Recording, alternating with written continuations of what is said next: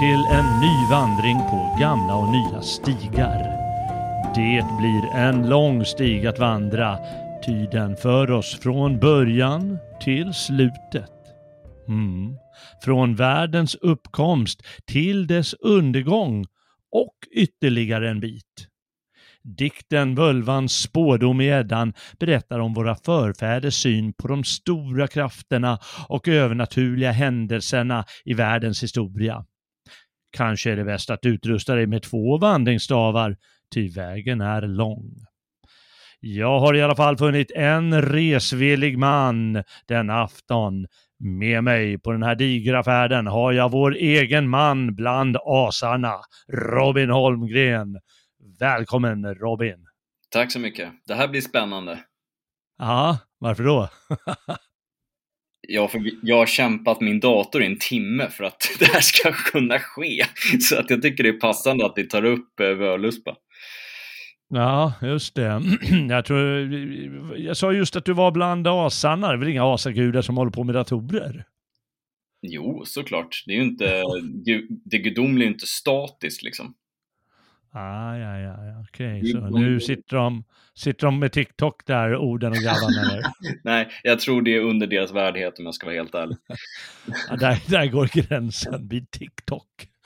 Mm. Kanske de... köra någon fin asadans. Ja, oh, shit, nej, börja inte. nej. Naja, ja, vi får hoppas att det håller eh, med din dator och eh, ja, vad, vad det finns för andra hinder här i världen. Jag vill passa på att säga att det här är ett fritt avsnitt, det vill säga även för icke-prenumeranter.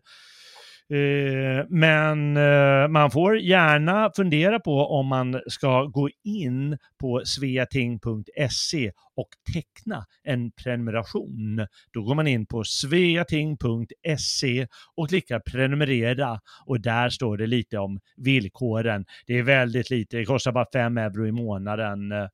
Eh, om man vill ha en liten prenumeration och vill man vara som du, tingsman, för det är du mm. väl Robin? Givetvis.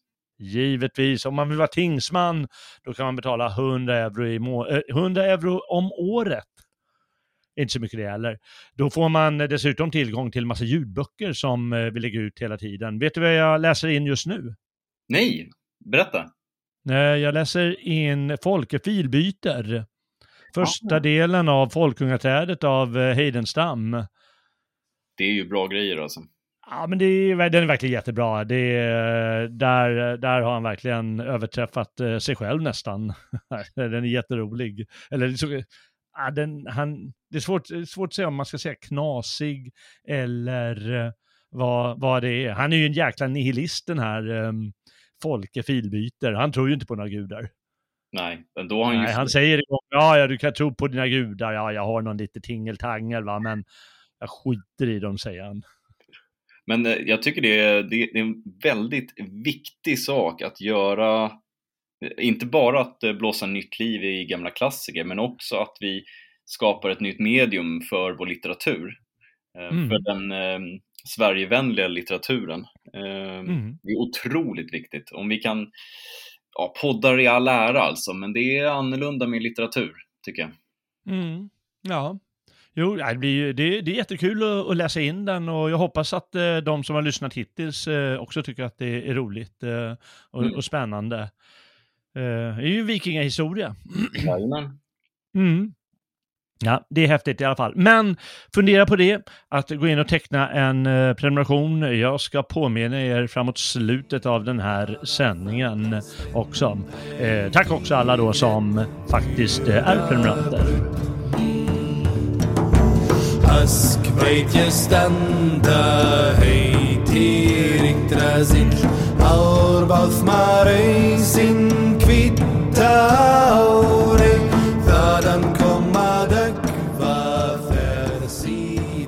Här kommer ett litet avbrott. Det visade sig nämligen ganska snart att eh, eh, det här avsnittet blev alldeles för långt för att ge som ett löpande avsnitt och därför valde jag och Robin att dela upp det i två stycken avsnitt ehm, eh, som kommer som båda kommer att eh, vara fria för alla att lyssna på och eh, vi ska försöka lägga det så att, man kan, så att det inte är så långt mellan avsnitten utan man kan lyssna på ett och vänta några dagar och sen lyssna på nästa. Och eh, för att göra det hela lite klarare i och med att vi delar upp det i två avsnitt så ska jag här eh, bara väldigt kort sammanfatta vulvans Völvans spådom. Och sen kommer jag och Robin att bitvis läsa delar av Völvans spådom och förklara delarna, eh, vad de handlar om och eh, vad de innebär eftersom de är något gåtfulla. Jag ska också säga att eh, den eh, första delen av det här avsnittet, eh, det som ges nu alltså, det kommer huvudsakligen att handla om eh, dikten fram till händelserna före Ragnarök. Och det andra, eh, den andra delen av avsnittet kommer att eh, skildra då och förklara händelserna från eh, då händelserna före Ragnarök och själva Ragnarök och det som kommer därefter. Och man kan helt enkelt eh, dela in völvans spådom i eh, Eh, i några olika episoder. Och den första episoden är självklart om världens skapelse och eh, snart också om dvärgars och människors skapelse. Och vi får också veta lite, lite om hur världen tycks se ut, bland annat att den består kan man säga av Yggdrasil, världsträdet. Och i en av dess källor eller vid en av dess källor så sitter då nornorna nornorna, de tre nornorna, tre ödesgudinnor och spinner eh, varelsernas öden. Och eh, i en andra avdelning får vi veta om olika strider i forntider och det är då mellan olika gudaätter, asar och vaner och dessutom får vi veta eh, något om olika eder som bryts, som tycks skapa ett sorts brott i kosmos eh, som kanske är olösbart. Eh, och senare i en del får vi höra om Heimdals och Odens offer för att vinna högre krafter och kunskap om hur man ska hantera olika kriser. Sedan kommer eh, episoden om Balders död, den ljuse gudens död, vilket är de eh, eh, händelserna före Ragnarök. Och direkt efter det så får vi höra om, eller får vi veta hur Hel ser ut och hur det verkar vara där nere och därefter så gal tupparna för Ragnarök, det vill säga för makternas undergång, vilket sen beskrivs. Men därefter får vi veta att världen blir till på nytt och väldigt kort vad det innebär. Askveitje standa hei til Yggdrasil Árbáð marei sin kvitta komma dökva färdsida Ja, men det var ju Völvans spårdom vi skulle prata om. Ja, men vänta lite nu. Jag vill också passa på att tacka alla de jättetrevliga människor som eh, kom fram till mig på midsommarfesten, eller så här, på sommarfesten eh, och som eh, tackade mig för vårt arbete med våra poddar. Eh, jätteroligt att eh, få så mycket positiv feedback. Kanon. Kul att de gjorde det. Mm. Verkligen. Ja, det, är det jätteroligt när folk kommer upp eh, eh, och, och säger det. Jag tycker jag också givetvis. Mm. Det var ju många som gjort det. är ju många som har gjort då senaste gången jag varit där. Ja. Det varit någon fest. Eh, och festen du pratar om, sommarfesten, är givetvis eh, eh, sommarfesten på, eh, i föreningen Det fria Sverige för de som inte råkar vara medlemmar där. Jajamän. Det kan man också fundera på att bli. Ja, om ni, ni kommer nästa år och, inte, och missade året, ja då hittar ni mig inne på toaletterna. Städande. Jaha, okej. Var det där du var hela kvällen eller Ja, vadå? det kändes fan som det. Ja, ja, ja. Okej, jag Du hoppas att det inte var gång. Ja, vi ska, du ska få uppgraderas till disken eller potatisskalningen nästa gång. Nej, skomakare blir vid din läst. Så. Ja, ja, vi får se. Ja, nej, det är härligt att du, att du är med Robin och du har gjort en eh, fantastisk insats eh, under ett par år här. Det gör så hur länge gärna. vi nu har kört. eh. Mm. Mm. Det har du. eh, Och eh, nu kommer vi in på ditt eh, gebit kan man väl säga. Ja, är det inte vårt gebit? Visst, Jo, det kan man säga. Ja. det tycker jag ändå. Jag tycker vi börjar... Jag tänkte mer på dig som är lite praktiserande eh, inom asatron. Ah, ja, ja. Ja, eh, det kan jag väl förstå. Jag måste ändå eh, säga att jag tycker völvans spådom är svår. För att det finns så många delar av den här som man inte riktigt förstår. Eh, det finns vissa delar i Hauksboken till exempel eh, Mm. där det är en tydlig kristen influens, om man säger så. Mm. Och det Mm. finns flera delar som är väldigt konstiga. Eh, ja. vilket inte är så konstigt heller, eh, Mm. med tanke på att det är en völva. Eh, men den är också Ja. väldigt fängslande. Eh, kanske inte Ja. säger så mycket om oss, men den förklarar ändå det mytiska i oss. Ja. Så det gillar vi. så kan man säga. Ja, och vad du, vad du refererade till där, det var liksom, du sa Hauksboka som är eh, en skrift där man har hittat den här texten. Mm, Annars brukar man prata om Codex Regius eh, som någon hittar på 1600-talet eh, som ligger i Köpenhamn nu. mm, eh, med, en, med också texten strå, de, skiljer sig åt lite, lite, lite grann. ja, Eh, och du sa att i Hauksboka kan man eh, se ett par eh, kristna influenser lite mer. ja. Och det är väl sant. Den är väl kanske skriven 50 Mm. år senare eller något sånt bara. Men för 140 år sedan så var man helt övertygad om att eh, völvans spådom, i alla fall stora bitar av den, eh, var från tidig järnålder, folkvandringstid. Så att Ja, just det. Eh, det, och och det är någonting som jag saknar med dagens litteratur, eh, Mm. eller dagens tolkningar, det är att de gärna är sådär onödigt märkligt kritiska till den dateringen. Eh, Mm. Jag tycker det ofta talas om att "Ja, men det här är en senkommen influens och sådär. Mm. Jag tyckte det var lite mer romantiskt förr i tiden, när man sa att det här är gammalt som fan. Eh, var stolt över. Ja. Det är ju inte omöjligt att det finns, eh, alltså om man då skulle vara, om, de, om man skulle vara så här kritiker som de är, eh, liksom med hela källkritiken och med ja, de, de redskap man använder för att kunna försöka datera sånt här, Mm. som, som ändå inte går. Det kan ju vara liksom, eh, man, man kollar ju ofta språket eh, och Ja. kan man se på språket, eh, eh, det språket som används jämfört med kanske år 500. Mm. Vilket i och för sig är omöjligt eftersom de inte skrev här uppe i Norden direkt, förutom lite runor här och var, att få den möjligheten. Mm. Men, men så är det ändå så att eh, med hela det här kritiska bagaget kan man säkert säga i alla fall att det finns eh, spår, massa spår i den som är äldre än, vad brukar man säga nu, 800-talet eller 900-talet? Ja, vissa delar kom, går ju tillbaka bedömt, alltså eh, Sigurdkvädet och så rör sig ju längre bak i tiden, Mm. tror man. Eh, men Ah, menar, du menar hela Eddan nu? ja, Ja, ja, okej. Ja, men det, det, det varierar ju ganska mycket. Vissa säger de går ju tillbaka till folkvandringstid, ja. mm, I alla fall är hågkomster av eh, folkvandringstid, alltså 500-talet eh, mm, eh, ungefär, kanske li, lite längre fram också, 4, 5, 600-talet. Eh, och andra delar skulle vara skrivna ända upp på 1100-talet egentligen ja, i Eddan, olika dikter.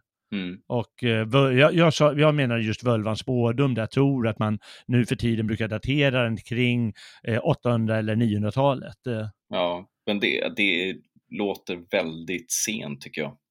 Med tanke på att det finns så många aspekter i den som, som är så otroligt djupt mytiska. Mm. Eh, För att det här är ju ändå eh, sånger och berättelser som har funnits i vardagen.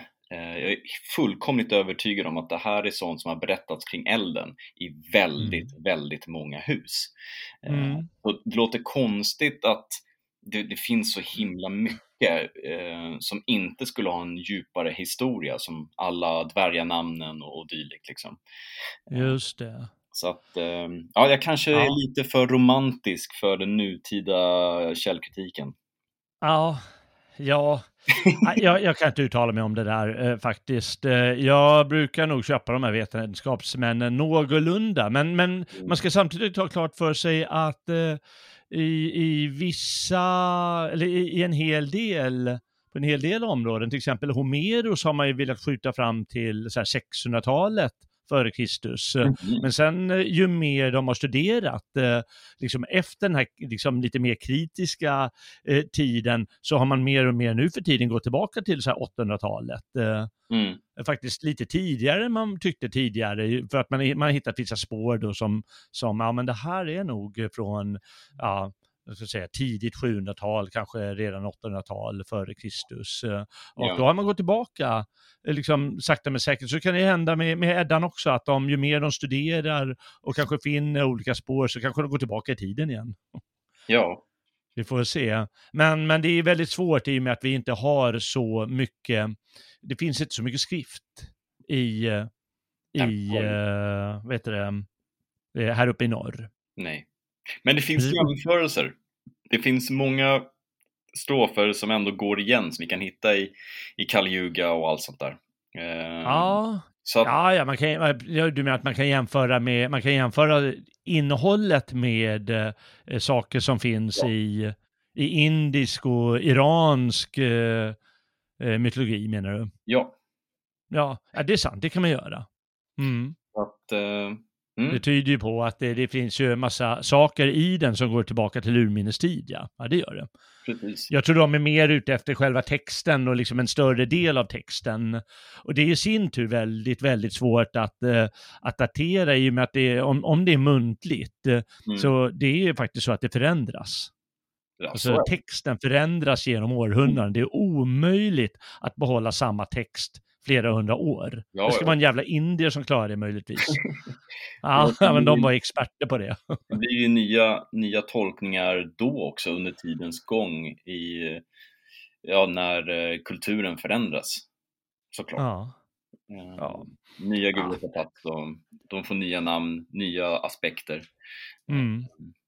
Så, det får väl vara som det är med, med de där dateringarna. Man, eh, man anser i alla fall att själva texten när de här har skrivits ner så mm. är det då den, den som kallas Codex Regius, själva den texten eller manuskriptet. Ja. Eh, det menar man är från 1270-talet tror jag. Ja, och det är ju inte Men sen är innehållet förstås flera hundra år äldre. Mm. Och, och, så har det säkert tillkommit verser och förlorats verser och, och ändrats verser och så vidare genom århundraden mm. i sin tur. Men, men själva den skriftna texten, nedskrivna, är från 1270-talet. Och, och det är den och det finns den här Hauksboka som du sa. Och Snorre har ju givetvis eh, eh, Snorre Sturlason, den stora författaren som, som har skrivit sin Snorres Edda, där han går igenom de gamla myterna och gamla sättet eh, för vikingarna att eh, göra dikt. Mm. Och, och, och, där finns den också då, stora delar av den här, och på lite andra ställen också. Ja. Så det var ju ändå välkänt där på 11 och 1200-talet bland isländska författare vad som mm de, den, här, den här dikten. Ja. Mm. Ja. Eh, men jag ville bara fråga en gång till. Eh, hur, det, det, det, havamal till exempel betyder mycket mer för, för uh, din, ditt, asa, din asatro än den här texten. Nej, det skulle jag inte vilja säga. Jag skulle Nej. säga att eh, jag har i mitt vardagliga liv så förhåller jag mm. mig mer till den höga sång än någonting annat. Ja, just det, okay. Där betyder mm. den mer, men Völvans spådom är mycket mer, den kräver betydligt mer reflektion. Mm. Uh, mm. En annan sinnesnärvaro. Okay. Till del, ska jag säga. Det finns mm. gömda stycken i Havamal också såklart. Uh, just det. Den här kräver mer av läsaren. Ja, det kanske gör. Jo, men den är, det är som du säger, den är lite gåtfullare. Mm. Mycket. Eh, Det är inte råd utan det är, berättande, det är berättelser som, som bitvis är lite gåtfulla. Vi ska försöka reda ut det eh, idag. Vi kan ju säga att eh, vi satt med, frågade innan bara lite vilka översättningar som är bra. Mm. Och egentligen kan man ta alla översättningar som är gjorda på 1900-talet. Eh, Mm. de, de fungerar. Och då finns det ju några gratis. Eh, Den vanligaste gratis är Erik Brates från 1920-talet eller något sånt tror jag. Mm. Eh, sen så finns det Björn Kolinders som jag tror är från så här 60-talet kanske. Eh, vi har den, den vidunderliga eh, Åke Olmarks. Mm. jag kommer inte ihåg när han gjorde den, om det var på 50-talet eller 70-talet, antagligen 70-talet. Eh, ehm, sen finns det säkert en och annan till och så senast har Lars Lönnroth gjort en översättning Mm. eh, av hela Eddan också. Jag tycker den är bra, Lönnroths. Eh, ja, den är alldeles utmärkt. Eh, eh, man kan inte klaga, det, det beror lite på vilken känsla man vill ha. Om man vill ha, om man vill ha en finurlig jävel, eh, då ska man gå till Åke Olmarks. Mm. Han är alltid finurlig. Och om man vill ha en lite, lite gåtfullare, eller liksom ett mer gåtfullt språk, då ska man gå till Björn Kolinder. Mm. Och vill man ha det klarare, då ska man gå till Lönnroth nu. Mm. Erik Brates är också ganska klar tycker jag, även om den är så gammal som 1920-talet. Ja, så är det i alla fall. Ehm, det finns eh, många att välja på, så jäkla stor roll spelar det inte. Mm. Man kan gå in på Wikipedia och slå på Eddan och så bör man kunna få upp eh, eh, bland deras referenser, vad de kallar för, eh, eh, utan, utan, då finns det så här gratisversioner där. Mm. Mm, för den som vill läsa den på internet. Internet. Ja. Ja, okej. Eh, Vi sa ju att det är då i eh, det som kallas Eddan, Mm. den här dikten. Och eh, då pratar man, brukar dela in den poetiska Eddan som, och sen så som jag sa Snorre Sturlasons Eddan. Eh, Där den poetiska Eddan är då liksom de, eh, de poetiska dikterna. Mm. Och Snorres Edda, där förklarar han hur poesin fungerar och när han gör det berättar han samtidigt eh, de gamla myterna på ett väldigt finurligt sätt. Jajamän. smart som han var. Och, eh, men, men eh, den poetiska Eddan består då av en, en mängd dikter kan man säga. Och eh, Völvans spådom är den första. Och eh, det är då den första, första avdelningen av Eddan är gudaberättelser. Eh, och den andra delen är hjälteberättelser om, om människor så att säga. Mm. Mm. Även om det är lite valkyrier och grejer med det så är det vanliga människor i grund och botten. Och här är det gudarna då. Och Völvans spådom, det, det, det är ju någon som har satt ihop den här boken, någon islänning. Och det är ju uppenbart hur han har gjort det, att han har, han, för antar, antar att det är en han, eh, han har ju kollat på berättelserna och delat in dem i gudaberättelser för sig och hjälteberättelser för sig. Och sen har han ju tagit givetvis Völvans spådom först, eftersom den målar upp den allmänna eh, mytologin kan man säga Ja med världens tillkomst och allt vad som har hänt. Och sen går den loss på olika eh, gudars, eh, låt oss kalla det äventyr. Och då börjar han förstås med orden i Havamal och sen så går han vidare och betar av olika grejer. Mm. Så han, han har ju haft, den som har gjort det har ju haft full koll på, liksom inte bara att han vare sig han var kristen eller han var hedning, så har han haft eh, full koll på hur eh, hela den här my mytiska apparaten som vikingarna hade. Ja. Och sen så kunnat eh, sätta ihop de här dikterna på lämpligt sätt. Mm. Och vissa är mycket äldre, det behöver inte vara den första som är äldst, utan det är lite blandat i den. Ja. Vilka som ska vara äldst och yngst och så vidare. ja, det är ju inte den uppdelningen som har funnits liksom.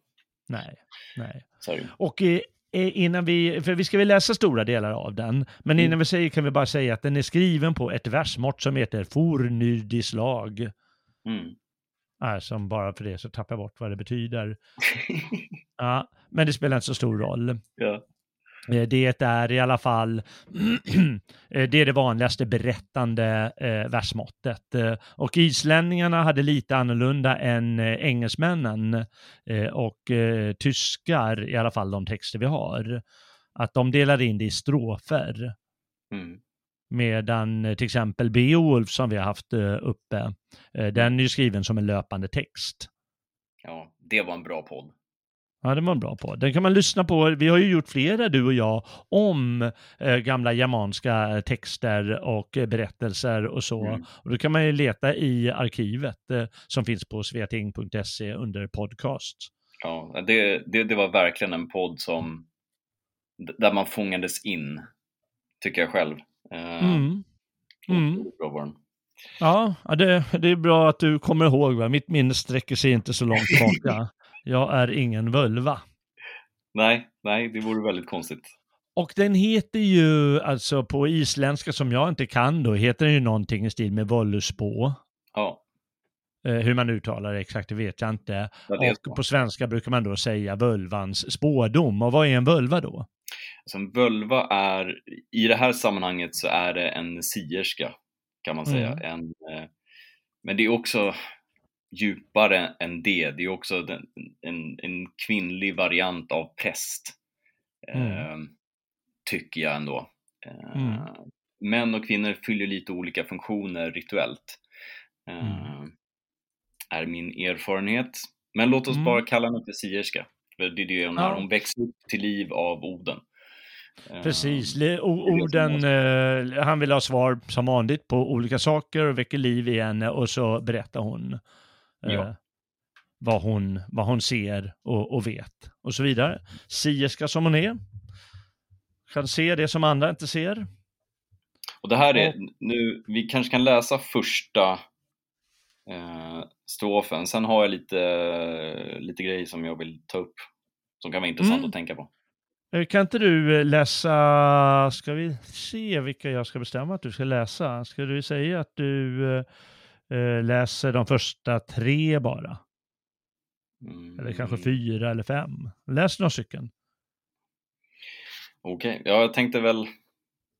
Ja, bara jag, läs den första om det var det du ville. Jag ja. kommer bryta det, ja. Eh, ja. Lyssna nu alla, levande släkten, större och mindre Heimdals söner Berättat skall jag, om du ber mig, valfader, forna sagor jag minns från förr. Mm. Eh, det, så, det, finns flera aspekter här som är väldigt intressanta, men om man hon kallar ju Oden för valfader, alltså det fallnas fader. Eh, mm. Kan också betyda då det av svärds dödades fader. Eh, nu är jag lite sån här, men om den senare tolkningen av ordet valfader, då ger det vid handen att völvan som har som eh, Alfad, eller Oden då har eh, fått tillbaka i livet eller i alla fall att han animerar henne för att få hennes kunskap så kan det också mm. betyda då att hon har blivit rituellt mördad eller rituellt offrad. Mm. Just det. Spännande. Och det i sig vore väldigt intressant.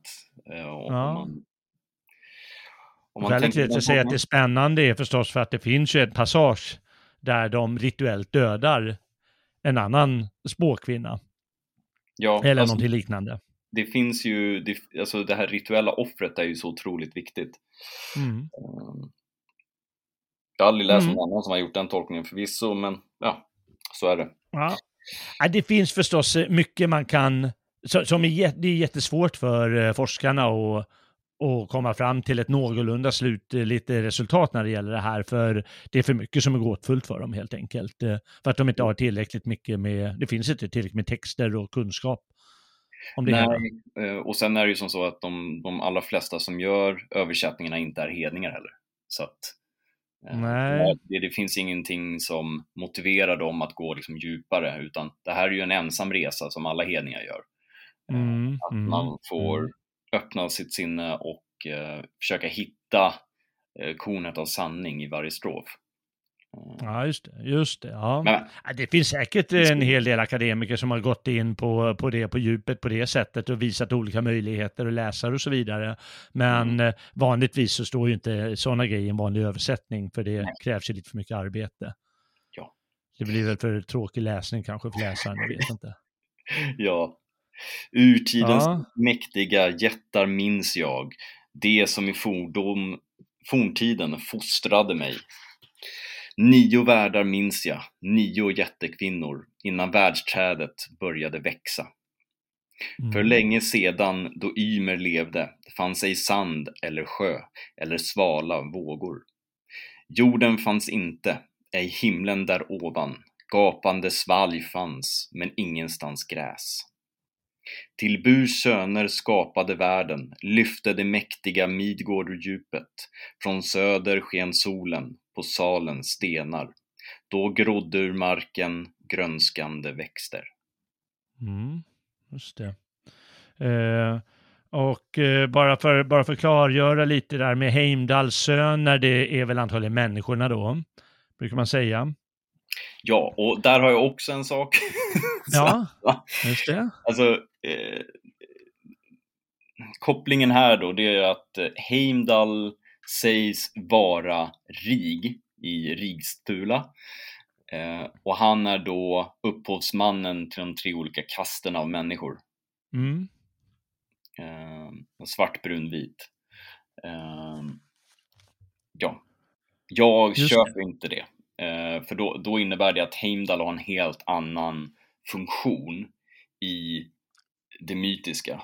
Eh, och det, jag finner det mycket mer troligt att Rig eh, är ett annat namn för Oden. Och att det är Oden som skapar de tre olika kasterna. Och det är mm. mycket mer rimligt på alla sätt än att det är mm. Heimdall. För Heimdall mm. framkommer inte så mycket alls faktiskt. Eh, men ja. Ja. Eh, nej men det ligger säkert mycket i det du säger. Jag eh, kan inte gå in på detalj på det sättet som du gör nu.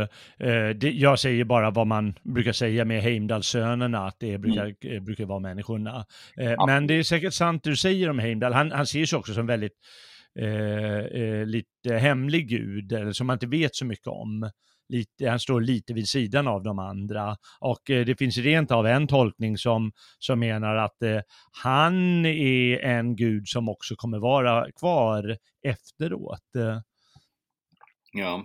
Efter Ragnarök. Eh, vi får se om vi kommer dit. ja, förlåt, jag ska sluta prata så mycket. Nej, men det måste man göra, det är så spännande grejer. Eh, men jag vill, jag vill i alla fall bara redogöra för vad som händer, vad det är vi läser. Liksom. Ja, men de, eh, de pratar om världens uppkomst helt enkelt. Det är en skapelseberättelse på det sättet. Mm. Och du drog ju bara de stora delarna av kosmos som, som skapas. Mm. Man lyfter Midgård ur djupet och då Ymer levde, då fanns det bara liksom någon sorts tomhet eller liksom kaos eller vad det är. Mm. Eh, och eh, så småningom kommer, kommer de att forma det. Och det mm. vet vi alla att de dödar Ymer för att forma världen, även om det inte går, framgår här helt. Precis, det rituella offret som en mm. skapande kraft. Mm, precis. Eh, och eh, då, ja, det exakt allting. Man måste ju kunna, när man ska läsa det här, då måste man kunna lite runt omkring också. Mm. Eh, det brukar ge mycket mer. Och, till exempel som när vi, när vi pratar om det här, kan vi ju, eh, att vi nämner de sakerna. Mm. Ja, eh, och vilka är Burs söner då? Oden, Vile och Ve. Mm, just det. Och det brukar också ibland nämnas lite olika namn. Jag mm. vet inte, det är lite på vem det är som jag tror Snorre nämner ett par, ja. jag kommer inte ihåg vem som nämner vad. Det spelar inte så stor roll. Det är fall Oden och hans bröder. Mm. Mm. Jag tycker vi, vi håller oss ja, eh, och så kan jag läsa då några rader, mm. eh, eller ett par strofer här, eh, vad de gör gudarna. Mm. Månens syster Sol slog från söder, höger hand över himlafästet. Ej visste hon sol var hon hade sitt hus. Ej visste de stjärnor var de hade sin gång och ej visste månen vad makt som var hans. Då gick de myndiga makter till doms, heliga gudar höll rådslag därom. Namn gav de åt natten, åt nedan och ny, åt morgon och afton, åt middag och kväll, så att åren fick sin fasta bana. Det vill säga de ordnar världen kan man väl säga. Ja, Inte här, minst tiden. här vill jag göra ett litet instick. Jag tycker Mm. det är häftigt att eh, i forndomstid så såg vi solen som ett kvinnligt väsen. Mm. Jag tycker det, det måste väl ändå skilja sig från ganska många andra. Ja, det är lite olika. En, en Men i grund och botten är det ju bara ett genus på språket, i språket. Eh, Mm. Och om du, är om du är i Värmland så vet du att det heter Sola i Mm. Karlstad. Och på norska är det väl, eh, eh, ja det spelar egentligen ingen roll, har inte det heller. Men, eh, men det tyder på då att det är ett eh, kvinnligt eh, eh, substantiv. Ja, Eh, det heter väl dison också på tyska. Så i de Ja. germanska språken är det kanske ett eh, kvinnligt, men på andra språk så är det manligt eh, genus, spr- i språket alltså. mm. Men ofta går ju tillbaka på en, en tro att solen är till exempel en han eller då att det skulle vara ett kvinnligt väsen. Ja, men- Och här är det ton- eh, en hon. Jag tycker bara det är spännande i, i den här kontexten då, alltså, ja men kvinnan har alltid varit eh, nedtryckt och sådär. Ja, fast Ja, ja. det viktigaste vi har haft, Mm. rent gudomligt sett, Ja. för skördar och alltihopa, det har vi identifierat som det kvinnliga. Ja, just det. Ja. Ja, och även den kvinnliga man och den kvinnliga man och, och, och den, eh, alltså den, den kvinnliga människan och den manliga människan eh, kommer vi ju få se att om man, om man till exempel jämför med vad som står i Moseboken så eh, där finns en ganska klar över och underordning mellan dem så Mm. är det här de är två likartade saker som gudarna skapar. Ja, precis. Att de är mer eller mindre lika. Vi, vi får väl eh, eh, vi får se det snart nu när de har ordnat eh, världen. Eh, ska du ta, låt oss säga att du tar fyra strofer då, tills Jajamän. kommer till dvärgkatalogen. Asarna möttes på Idavallen, timrade i höjden tempel och blothus, byggde smedjor och smidade guld, hamrade redskap och verktyg för handen. Lyckliga spelte de, tavle på tunet, ej led brist på gods eller guld, innan tre starka trollkvinnor kom med vrånghet och split från jättarnas värld.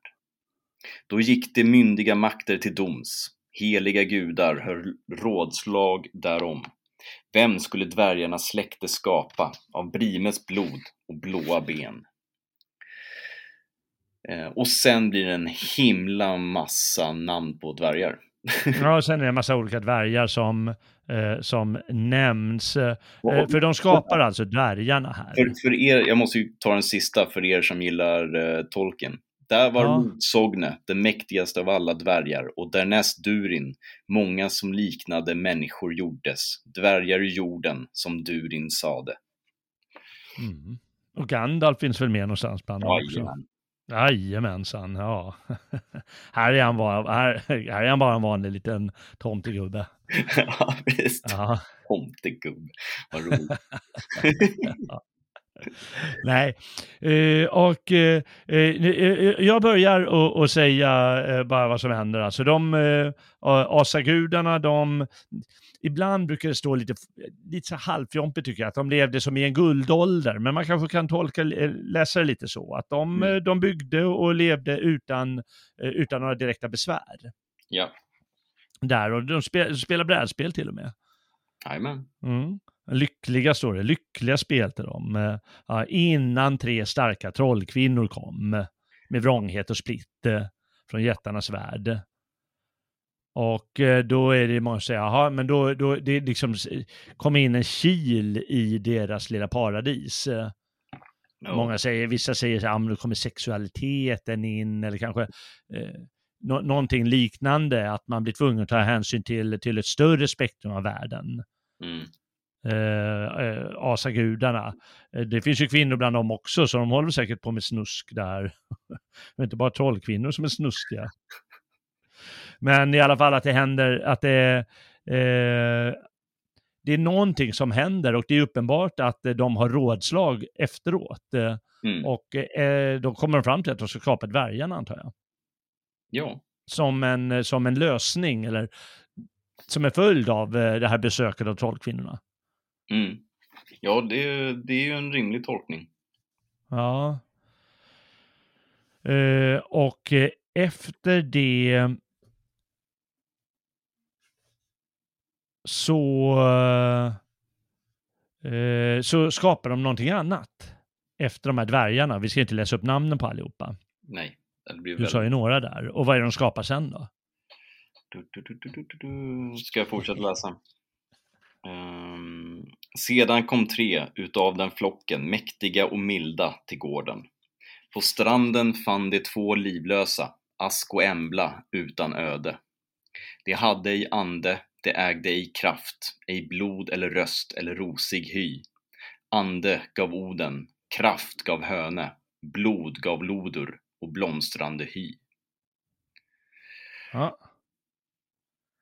Just det. Och då är det alltså människorna de skapar.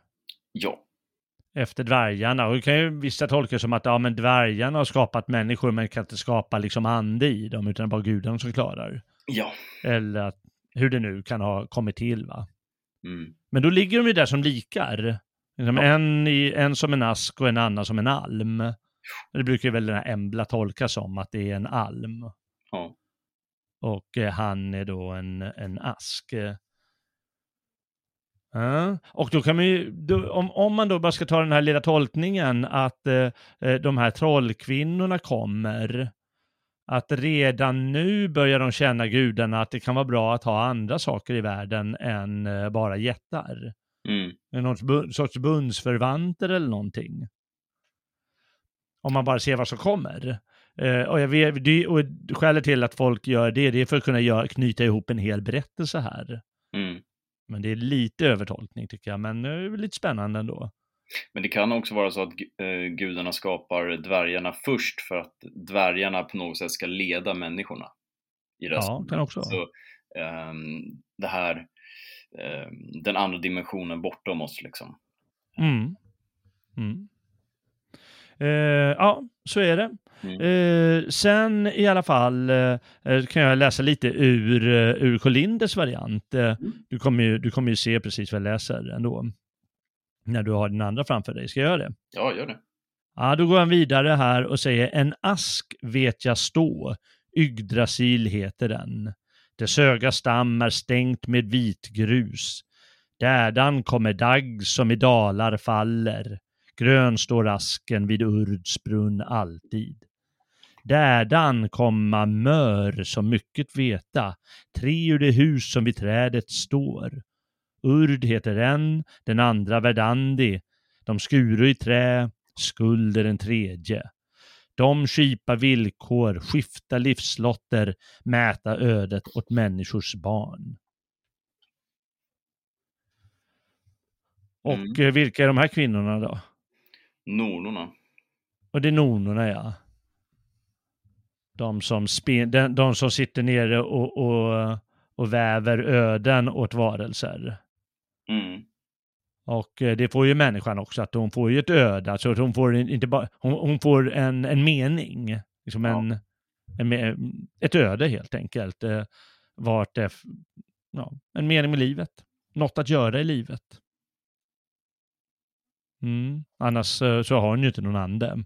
Eh, så det är en viktig roll det här med ödet och eh, det verkar ju nästan som att det liksom, så fort världen har skapats så kommer någon sorts öde in i bilden. Bara till början, då är den liksom lite diffus där med alla, liksom hela världen är diffus, men ju mer som skapas och ordnas desto klarare blir ödena och människans öde är ju ganska klart. Jag tycker det, nu håller jag i Gödikens Edda också. Mm. Jag tänker bara ta den strofen. Dädan komma möer som mycket veta, tre från den sal som under trädet ståndar. Urd heter den ena, den andra Verdande. Man skar på, på skid, skuld som den tredje. Lyckans lotter, liv och död, hjältars öde, allt är av dem. Mm. Just det. Är lite mer heroisk där. Mycket. Eh, och, det är också så spännande för att man, det, de här olika tolkningarna är intressanta var för sig. Eh, Ja. Så man får gärna ha flera olika varianter, tycker jag. Ja, om att, eh, om att eh, slå slag i saken och eh, sig isländska. Ja, orka. Mm. Ja, jag orkar. Jo, det är klart man kan göra. Folk, folk lär sig bra mycket värre saker än isländska för att eh, läsa saker i original. Ja, det är sant. Är sant. Ja. Ja, eh, nej i alla fall eh, nu ska, skapas ju ändå människorna, liksom heroiska människor och de kommer ju behövas eh, framåt slutet, eh, Oh, ja. eh, de heroiska människorna. Mm. Så man kan fatta det där som står där ja. med liv och död och hjältar och så. Mm. som du läste. Eh, och eh, ville säga någon sak eh, till här. Eh, och det var att ehm, eh, just de här tre nonorna, deras namn är alltså, eh, vad heter de nu igen? Eh, De heter så mycket som Urd och Verdandi och Skuld. Mm. Eh, och det betyder ju, alltså Verdandi är ju vardande, det som blir. Mm. Och eh, urd betyder då eh, kanske det som var. Mm. Och skuld något tredje. Att de förstås har det i sig i sina namn, nonorna. Eh, vad ska vi kalla det, livslotten eller liksom tidens gång, tidens innehåll. Mm. vara, bliva och eh, eh, något tredje. Bäst vi slår då på eh, eh, något, eh, det är jobbigt när det försvinner huvudet eh, på en eh, vad det bety- betyder, men urd är då öde, precis. Eh, eh, kan vara lycko eller olycksöde. Och verdandi är förstås vardande, blivande och skuld betyder också framtid då. Mm. Mm. En viktig aspekt här vill jag ändå poängtera är vers 18 som vi läste. Mm. Ehm, ej blod eller röst eller rosig hy. Mm. Ande gav Oden, kraft gav höne, blod gav lodor och blomstrande hy. Mm. Det här är ju vita människor som skapas. Ja, just det. Ja, det är sant. Det, det har jag tänkt på. Men undrar om inte även svarta får lite, får inte de liksom en rödmande eh, kinder eller sånt när de, Det har när jag. de Ja, jag vet inte. Men det är sant, det är uppenbart vita människor givetvis. Ja. Det är ju här uppe i norr för guds skull. Ja. Som man har klart för sig. Nej, Ja. det, är viktigt att eh, poängtera att det här är inte någon allmän människoskapelse. Det här är vår rasskapelse. Ja, det är vår, ja precis. Det är, men det är viktigt att på, eh, påpeka och eh, det är det ju. Mm.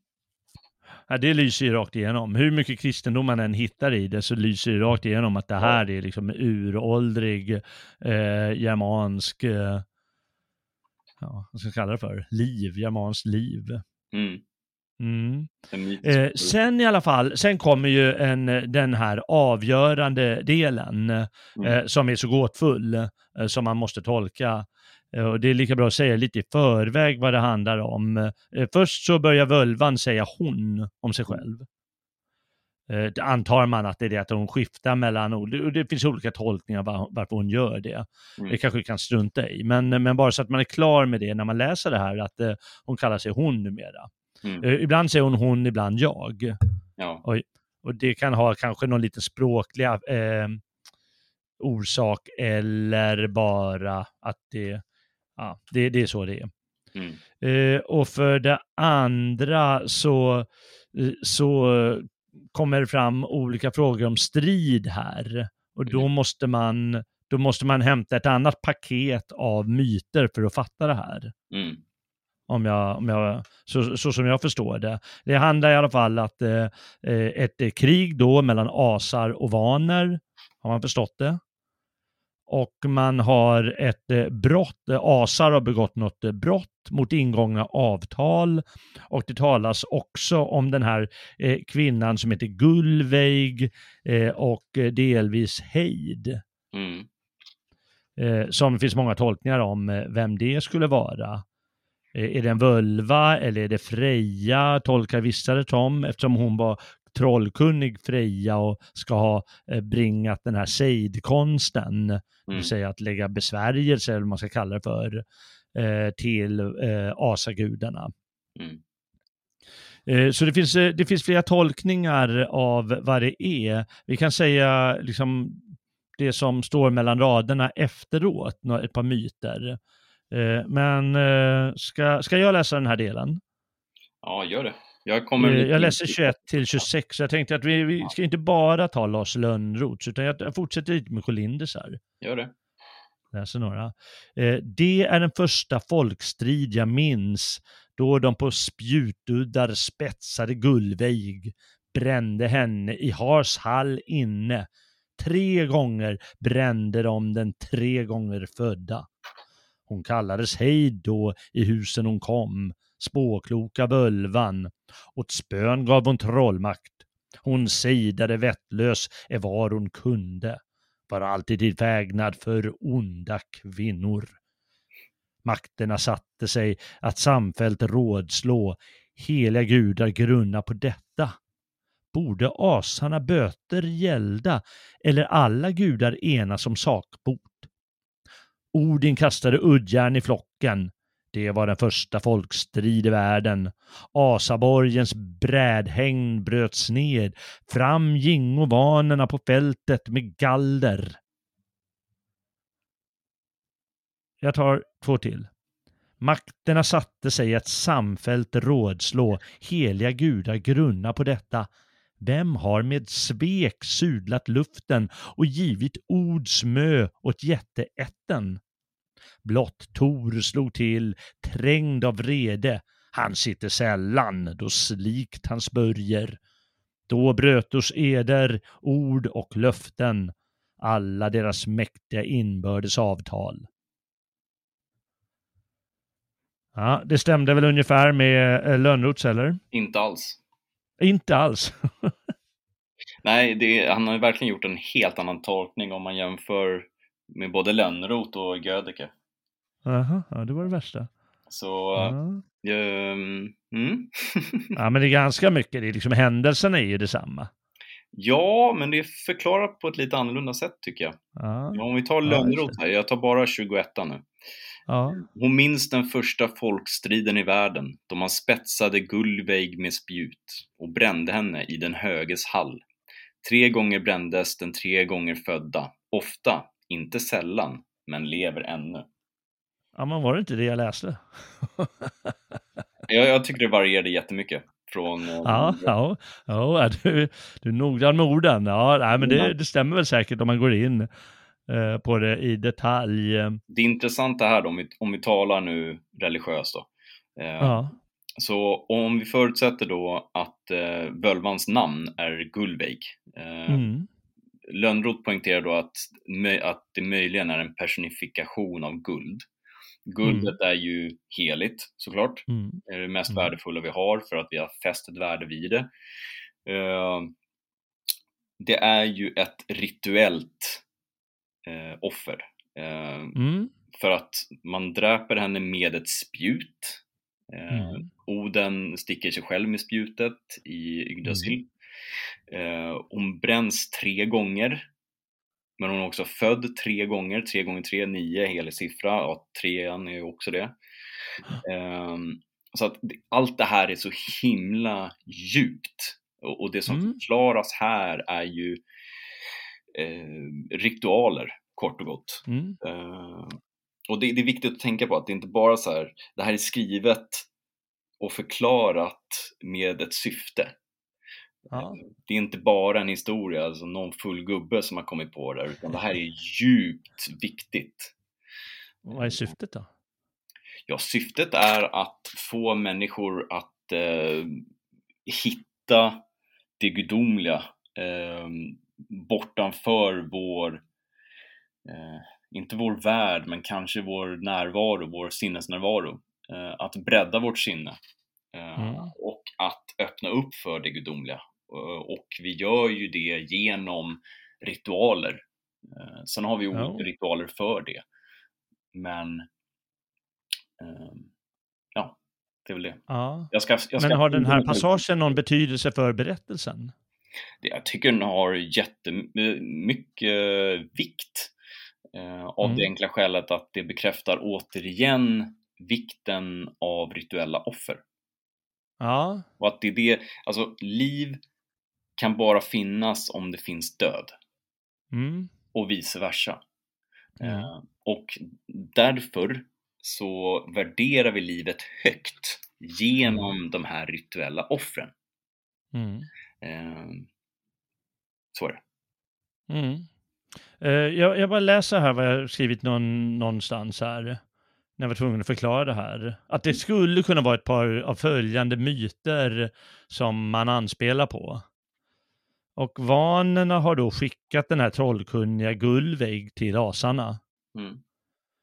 Eh, och de spetsar och bränner henne tre gånger i jordens sal. Mm. Det var ungefär vad vi hörde. Men hon återuppstår efter varje gång. Eh, I människornas värld kallas hon Heid, vilket var ett vanligt namn på völvor. Och då är en del menar som sagt att det är Freja. Eh, men behandlingen av Gullveig i alla fall, eh, det ger upphov till krig mellan asar och vaner. Och eh, vanerna tränger in i Asgård som vi hörde. Eh, Men se- sen i freden, och det nämndes inte riktigt här, men eh, då, då byts gisslan med varandra och vi vet ju att eh, Njord, Frej och Freja, de landade hos gudarna, Mm. medan asagudarna då, några antagligen hamnade hos vanerna.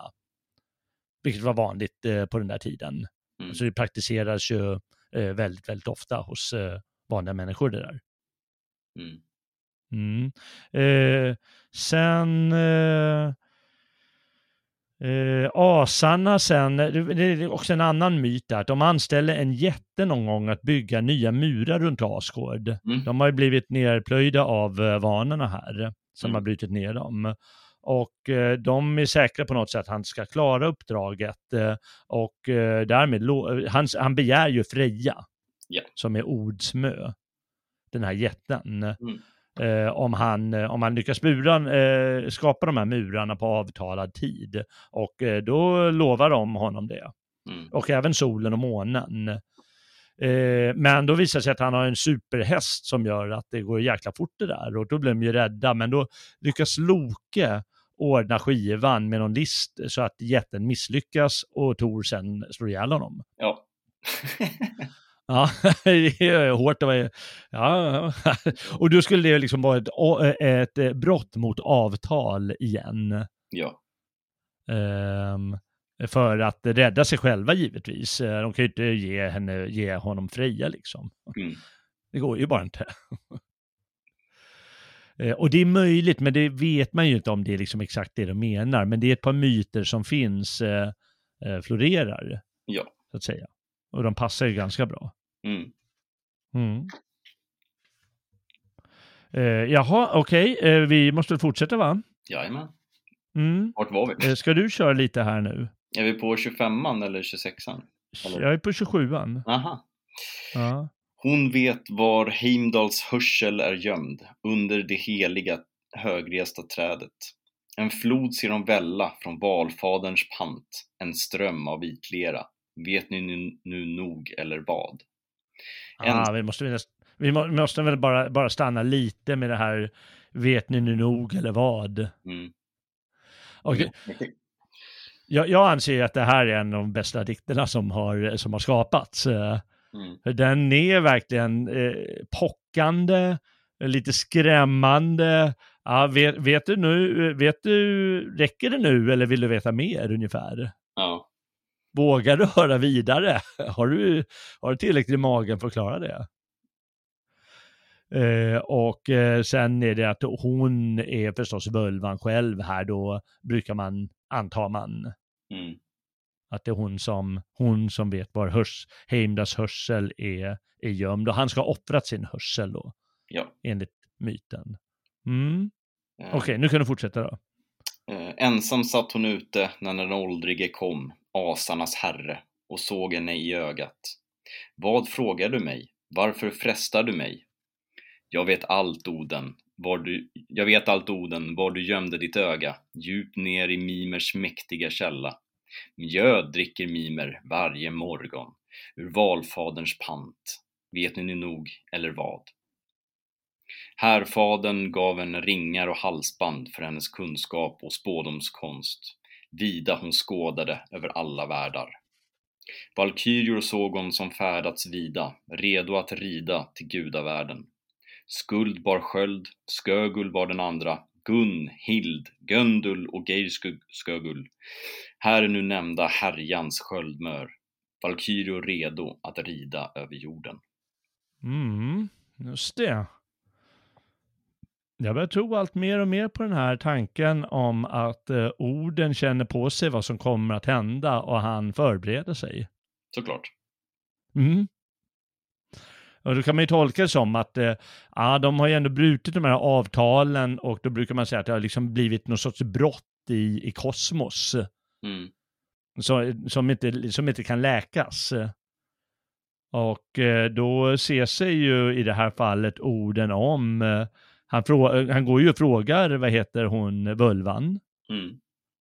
Ute den, eh, eh, när hon sitter ute ensam för att få, ja men kan du säga hur, hur ska jag lösa det här kanske? Eller vad, vad, kan, jag- vad kan jag hitta för, för hjälpmedel? Eh, och ehm, eh, hon, eh, där, han, han får de här valkyriorna. Och vad, vad är valkyrior till för? Ja, för att det är de som sänds ut för att hämta de bästa av oss. Ja. de hämtar de döda för att bringa som krigare upp hos orden. Precis. Och det kommer ju behövas en vacker dag. Ja, en liten punkt där bara. Ensam Mm. satt hon ute när den åldrige kom, asarnas herre, och såg henne i ögat. Mm. Det tyder ju på att hon också bara har ett öga. Ja, just det. Så Ja. eh, det här är då två stycken människor som ser mer eftersom de bara har ett öga. Eh, och därav samtalar Ja. med, med den här kunskapen som båda äger. Sen offrar ju Oden saker och ting till henne för att hon ska fortsätta prata. Mm. För hennes kunskap och spårdomskonst som det står. Just det. Och eh, liksom, eh, vad heter det, Heimdall har offrat sin hörsel så har orden offrat sitt öga för att få någon form av, någonting i gengäld, djupare kunskap i det här fallet. Jo. Eh, och sen kommer i alla fall då Balders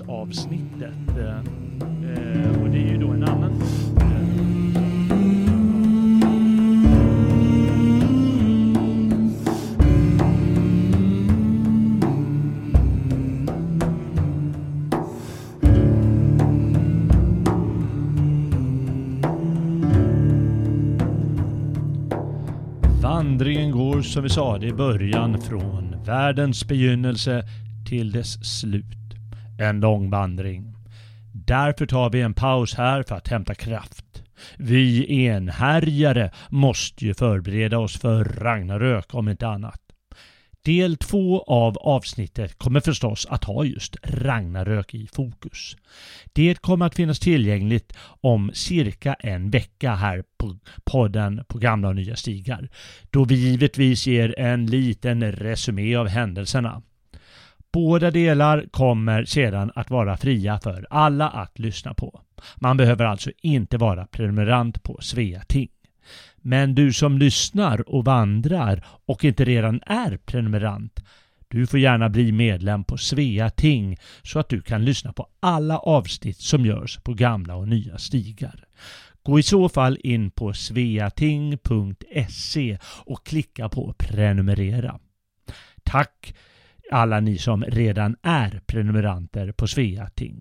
Det är ni som gör det här möjligt.